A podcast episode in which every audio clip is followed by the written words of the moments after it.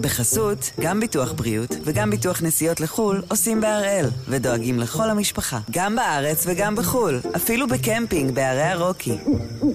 כן, גם שם, כפוף לתנאי הפוליסה וסייגיה ולהנחיות החיתום של החברה. היום יום שלישי, 17 במאי, ואנחנו אחד ביום, מבית N12.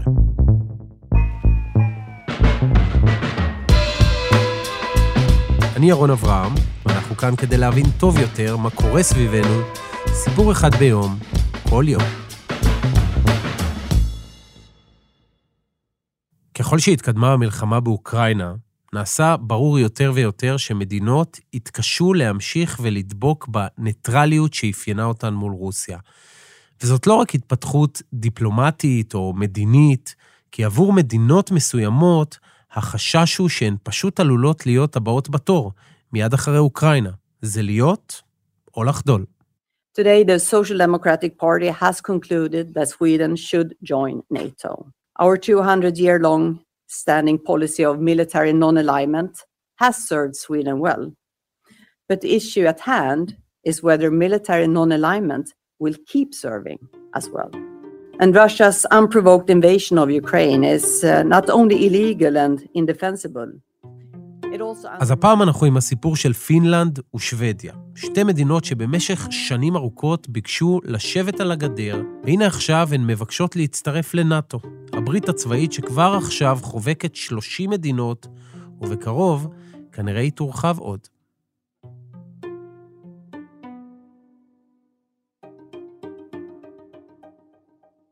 שלום לקרן בצלאל, כתבת דסק החוץ. שלום, ירון. אנחנו חודשיים וחצי מאז שפרצה המלחמה באוקראינה, ופינלנד ושוודיה מחליטות שזה הזמן שלהן להצטרף לנאט"ו. מה גורם להם להחליט על זה בנקודה הזאת?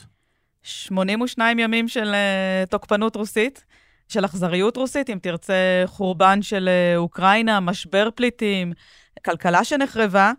מספיק להם ולמעשה מוחק עשורים רבים של אה, עמדה ניטרלית, ומה שקורה למעשה ב-82 ימים האחרונים, אתה אמרת חודשיים וחצי, זה למעשה שינוי טקטוני, שינוי אדיר בדעת הקהל שם. סקרים שהתפרסמו רק בתחילת 2022 דיברו על בין 12 אה, ל-15 אחוזי תמיכה בקרב האוכלוסייה הכללית של הצטרפות אה, מלאה לנאט"ו. היום בשתי המדינות, בין 60 ליותר מ-70 אחוזים תמיכה זה חוצה מפלגות, ולכן כנראה הם בדרך אה, להפוך להיות המדינה ה-31 ו-32. אבל אין להן חשש אמיתי, תקני אותי אם אני טועה, שהם יחוו את התוקפנות הרוסית בטווח זמן מיידי, או, ש, או שכן. אז זהו, צריך להגיד, זה מדינות שהן שכנות של אוקראינה. האזרחים שלהם רואים יום-יום נחשפים לחזיתות שונות, לתקיפות באזורים שונים. פליטים שיצאו אה, לדרך פולין או לדרך רומניה או מולדובה, חלקם הגיעו גם לפינלנד וגם לשוודיה. כלומר, זה הכי מוחשי שיש מבחינתן. הן מרגישות את זה, זה הופך להיות איום קיומי עבורן. אם אתה מסתכל כרגע על אירופה, על מי פוטין מאיים? הוא מאיים על המדינות שאין להן את המטריה של נאט"ו. הם למעשה, אם פוטין פולש היום לפינלנד, שצריך להבין, פינלנד מדירה, מדינה קטנטונת, חמישה מיליון וחצי תושבים, צבא שהוא יחסית אה, מתקדם, אבל לא במספרים של רוסיה, אה, זה, זה כנראה מסתיים תוך כמה ימים, גם לא מדינה גרעינית. ולמעשה, כשאתה מסתכל, אוקראינה לא חברה בנאט"ו, עליה הוא איים. באמצע חודש אפריל הוא פתאום פוזל למולדובה, לאותו חבל של אה, טרנסניסטריה. מולדובה גם לא חברה בנאט"ו. אנחנו לא רואים אותו פוזל פתאום לפולין, כי בפולין עמד אה, נשיא ארצות הברית ביידן ואמר, סנטימטר אחד של פלישה למדינה שהיא חברה בנאט"ו, וכולנו נכנסים למערכה הזאת. אנחנו מדברים על שתיהן ביחד כמקשה אחת, פינלנד ושוודיה. אבל זו החלטה שכל אחת מהן קיבלה בנפרד, ביחד, אחת בעקבות השנייה? תראה, הן שתיהן אה, שייכות ל, לאזור של המדינות הנורדיות. מדינות שהן עם כלכלות מאוד חזקות, אה, מדינות רווחה. ולמעשה אחת גוררת את, ה, את השנייה. פינלנד מובילה את זה בגלל שצריך להגיד, לפינלנד יש גבול אדיר עם רוסיה, יותר מ-1,300 קילומטרים. שוודיה אין לה גבול עם רוסיה, אבל היא גם מתחילה להבין uh, שהיא לבד, בטח במספרים. שוודיה היא מדינה שגדולה יותר מפינלנד, יותר מעשרה מיליון תושבים, אבל צבא מאוד מאוד קטן. אבל הן מבינות שלמעשה, uh, צריך להגיד, נאט"ו עבורן הופכת להיות uh, תעודת ביטוח, במיוחד בזירה של, של רוסיה.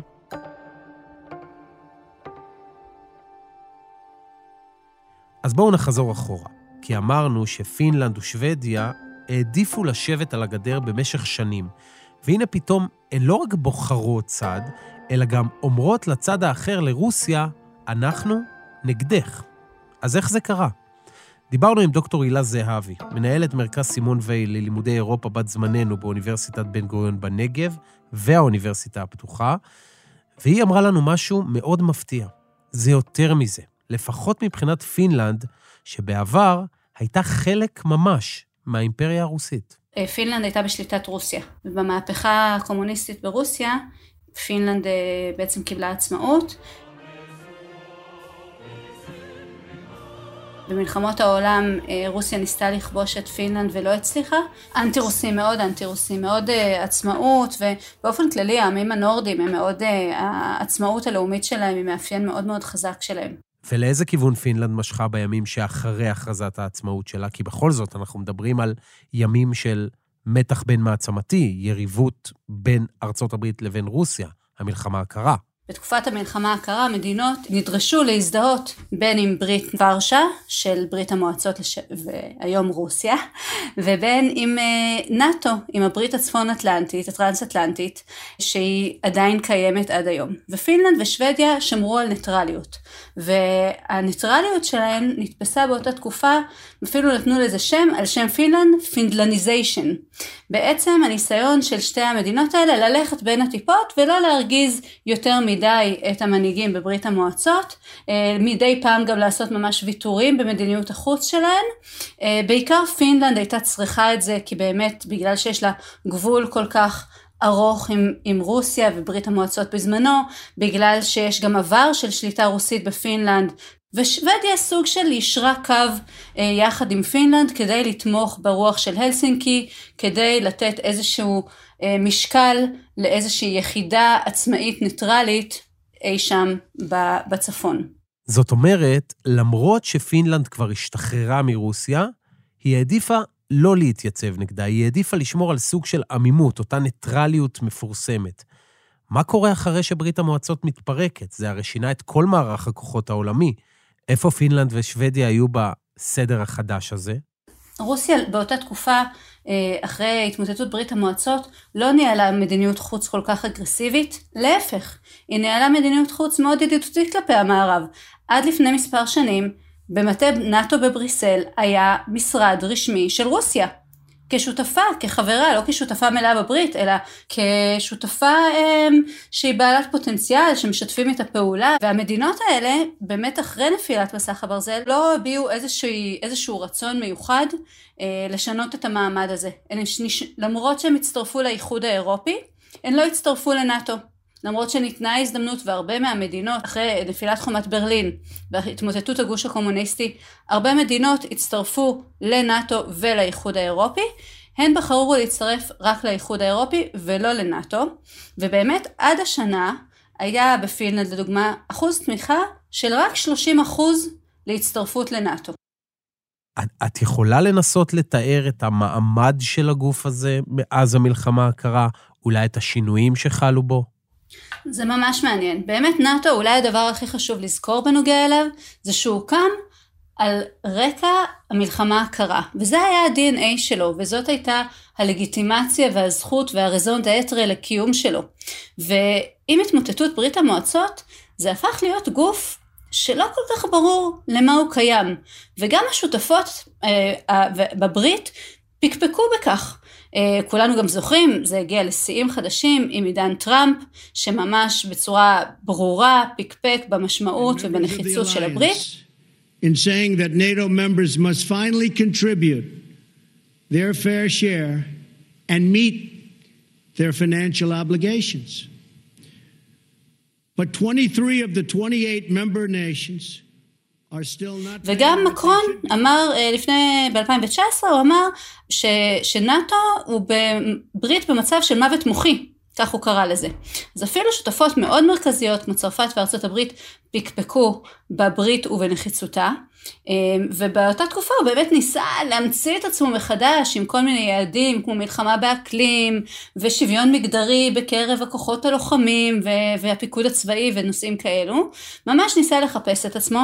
והנה פוטין בעצם מה שהוא עשה זה החזיר את הגוף הזה לחיים, החזיר את הסיבה לקיומו לסיבה שהיא רלוונטית וברורה, וזה ממש אה, טרגי ואירוני שבכך שרוסיה בעצם ניסתה אה, למנוע מהברית להתקרב אליה, היא רק קירבה אותה ורק חיזקה אותה. המטרה האסטרטגית של רוסיה נכשלה בצורה טוטאלית. אז מה עוד צריך לקרות כדי שפינלנד ושוודיה יתקבלו לנאט"ו? האם הדרך שלהן לשם חלקה וסלולה? חסות קצרה, מיד חוזרים.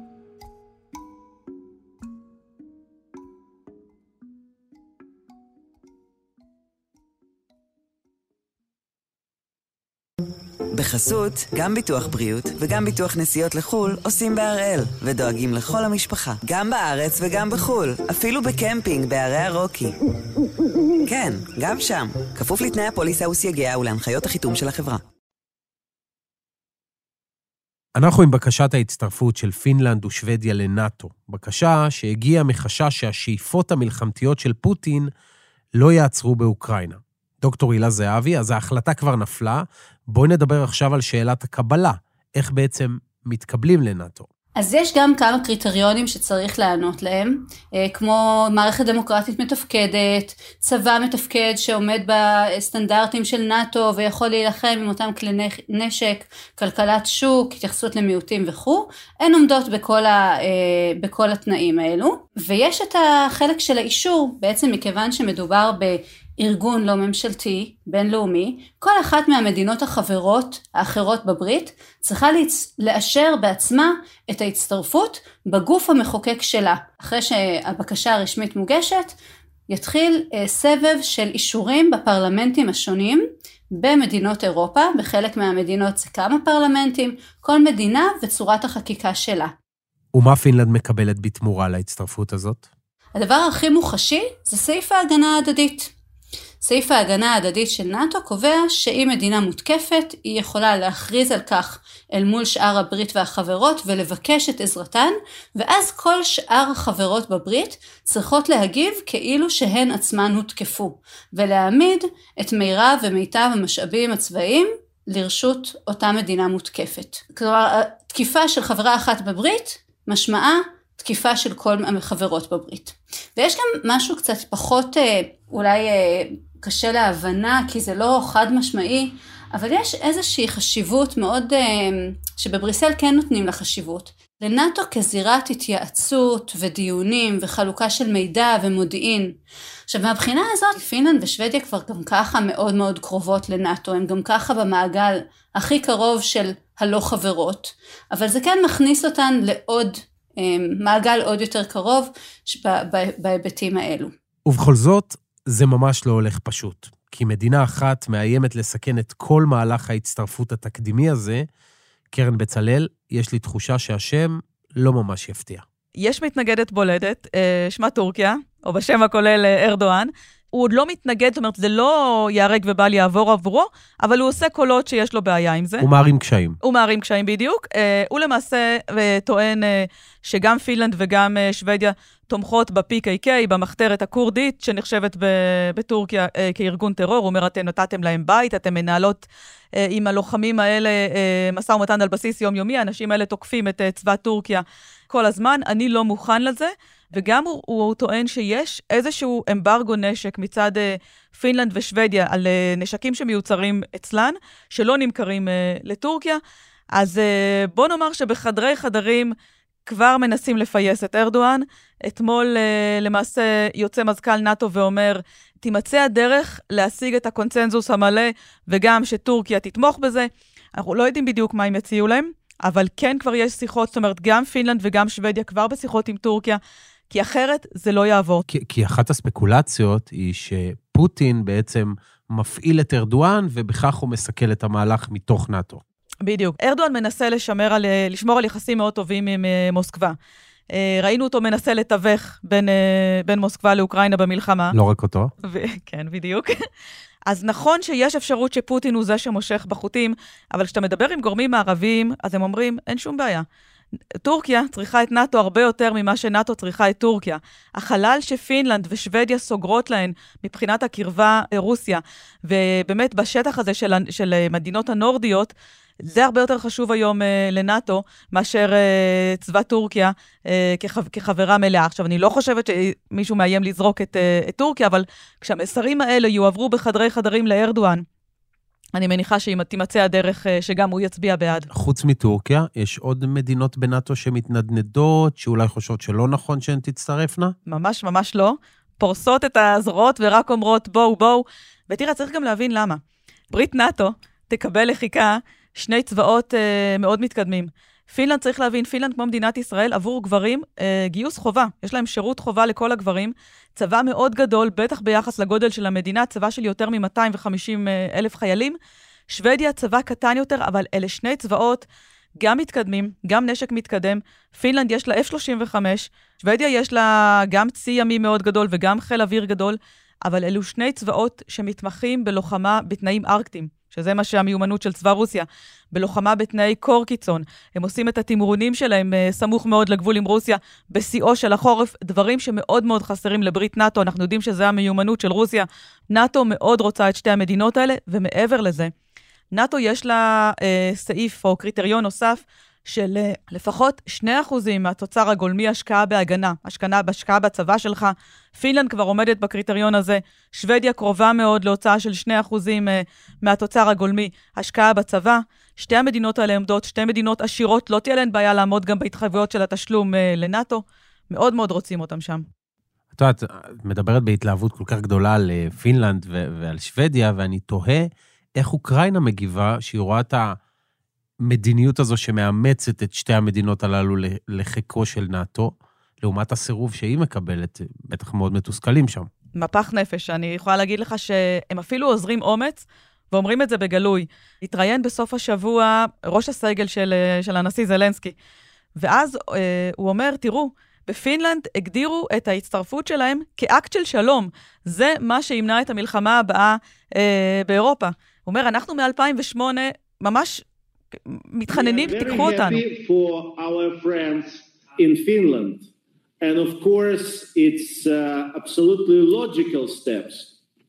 But in the same time, it shows the double standard of the alliance because אחרי 2014, הפלישה והסיפוח של חצי האי קרים, הבנו שהתהליך הזה הולך להיות איטי יותר, אבל לא חשבנו שלא תיתנו לנו להצטרף. ואם אתם אומרים שזה למעשה תעודת הביטוח למנוע את המלחמה הבאה באירופה, תחשבו מה יכול היה להיות אם הייתם כבר משלימים את ההליך איתנו, אולי הייתם מונעים את המלחמה הנוכחית באירופה. אז אמרנו, אוקראינה לא מרוצה, וטורקיה מערימה קשיים, אבל קרן, מי שממש נעמדת על הרגליים האחוריות, היא רוסיה עצמה. איך זה בא לידי ביטוי? בואו בוא נתחיל ונאמר שאחת הסיבות לפלישה לאוקראינה זה אותו משא ומתן מתקדם עם נאט"ו, והניסיון באמת אה, לדחוק את נאט"ו כמה שיותר חזרה לגבולות של מערב אירופה. אחד התנאים שפוטין הציב היה לשרטט מחדש את המפה של נאט"ו באירופה, להשיג אותה ממזרח אירופה, מאותן מדינות שהיו בעבר ברית המועצות ועכשיו בחרו במערב, בחרו בנאט"ו, וכמובן להשיג את הבסיסים של נאט"ו ואת הנשק המתקדם. פוטין הרגיש שנאט"ו הולכת ומתקרבת לו לחצר האחורית. וצריך להגיד, אבל כשאתה מסתכל על המפה של, אה, של רוסיה, רק 6% מהגבולות האדירים, הארוכים של רוסיה, למעשה גולבים, גובלים היום במדינות נאט"ו. הוא לא באמת מוקף בנאט"ו, מה שיקרה עכשיו עם ההצטרפות uh, של פינלנד, ורוסיה לא מוכנה לעבור על זה לסדר היום. расширение военной инфраструктуры на эту территорию, безусловно, вызовет нашу ответную реакцию. גם איומים רשמיים של, של הקרמלין. אם אתם חושבים שאנחנו נשלים עם דבר כזה, אתם טועים. גם אתם תרגישו אה, את השינוי באסטרטגיה שלנו. פוטין אפילו איים להציב נשק גרעיני על הגבול עם פינלנד, שיהפוך, אה, בהנחה שזה קורה, להיות אה, גבול של נאט"ו. ויש לזה משמעויות, עוד אה, 1,300 קילומטרים של גבול של נאט"ו. ולמעשה בשיחת טלפון בסוף השבוע בין נשיא פינלנד לפוטין, הוא אומר לו, אתה עושה טעות, נטישת העמדה הניטרלית, היא תהיה טעות עבורך, שאנחנו לא נוכל להשלים איתה. וזה מרתיע את דעת הקהל הפנימית בשתי המדינות הללו, האיומים שמגיעים מצד פוטין? בדיוק ההפך. בדיוק ההפך, אתה רואה את המרוץ, אתה רואה, תראה, אה, שבת ראשון באירופה זה ימים של אה, שבתון, כמו סוף שבוע אצלנו. אתה רואה פתאום את אה, ראשי, הממשל, ראשי הממשלה של שתי המדינות, של פינלנד ושל שוודיה, יוצאות ועורכות מסיבות עיתונאים. הנשיא מדבר, שרי החוץ של פינלנד ושל שוודיה היו ביום ראשון בברלין, בכינוס שרי החוץ של ברית נאט"ו, ושם הן למעשה מגיעות כבר להשתתף בדיונים, וביום שני, מתחיל תרגיל גדול של אה, נאט"ו, תרגיל אגב, שתוכנן עוד לפני הפלישה, אה, מתמקד באזור הבלטי. שני הצבאות האלה הוזמנו להשתתף, כמו שהם הוזמנו בעבר, אבל עכשיו הם כבר אומרים שהם מגיעים והם ייקחו חלק בתמרונים האלה, ומנסים להריץ. הדבר היחיד, ואולי המעניין, שקורה בשתי המדינות, גם בפינלנד וגם בשוודיה, הן אומרות, אנחנו איתכם, נאט"ו, אנחנו רוצות, רוצות להצטרף, להפוך, אבל יש, יש לנו עכשיו תקופת מעבר. הרי זה לא מהיום למחר ההצטרפות. מה קורה בתקופה הזאת? אז תנו לנו ערבויות לכך שבתקופת המעבר, בין אם זה כמה חודשים, חצי שנה, עד שנה, תיתנו לנו איזושהי מטריה. ואגב, נאט"ו לא, לא זורקים אותה מהחדר. מוכנים לדון על זה, התחילו כבר ביום ראשון לדון על זה. בריטניה בשבוע שעבר, בוריס ג'ונסון נוסע אה, לביקור גם בשוודיה וגם בפינלנד, ומבטיח להם, אם אתן תותקפנה בחודשי המעבר, בריטניה ת, אה, תתייצב לצדכן.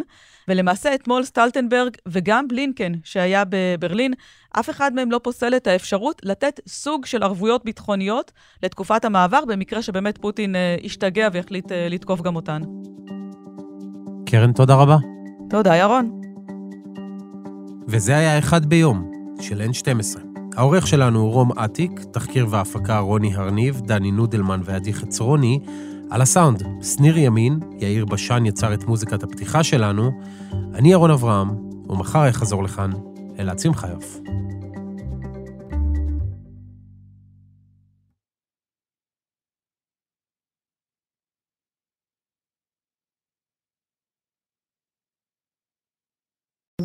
בחסות, גם ביטוח בריאות וגם ביטוח נסיעות לחו"ל עושים בהראל, ודואגים לכל המשפחה, גם בארץ וגם בחו"ל, אפילו בקמפינג בערי הרוקי. כן, גם שם, כפוף לתנאי הפוליסה וסייגיה ולהנחיות החיתום של החברה.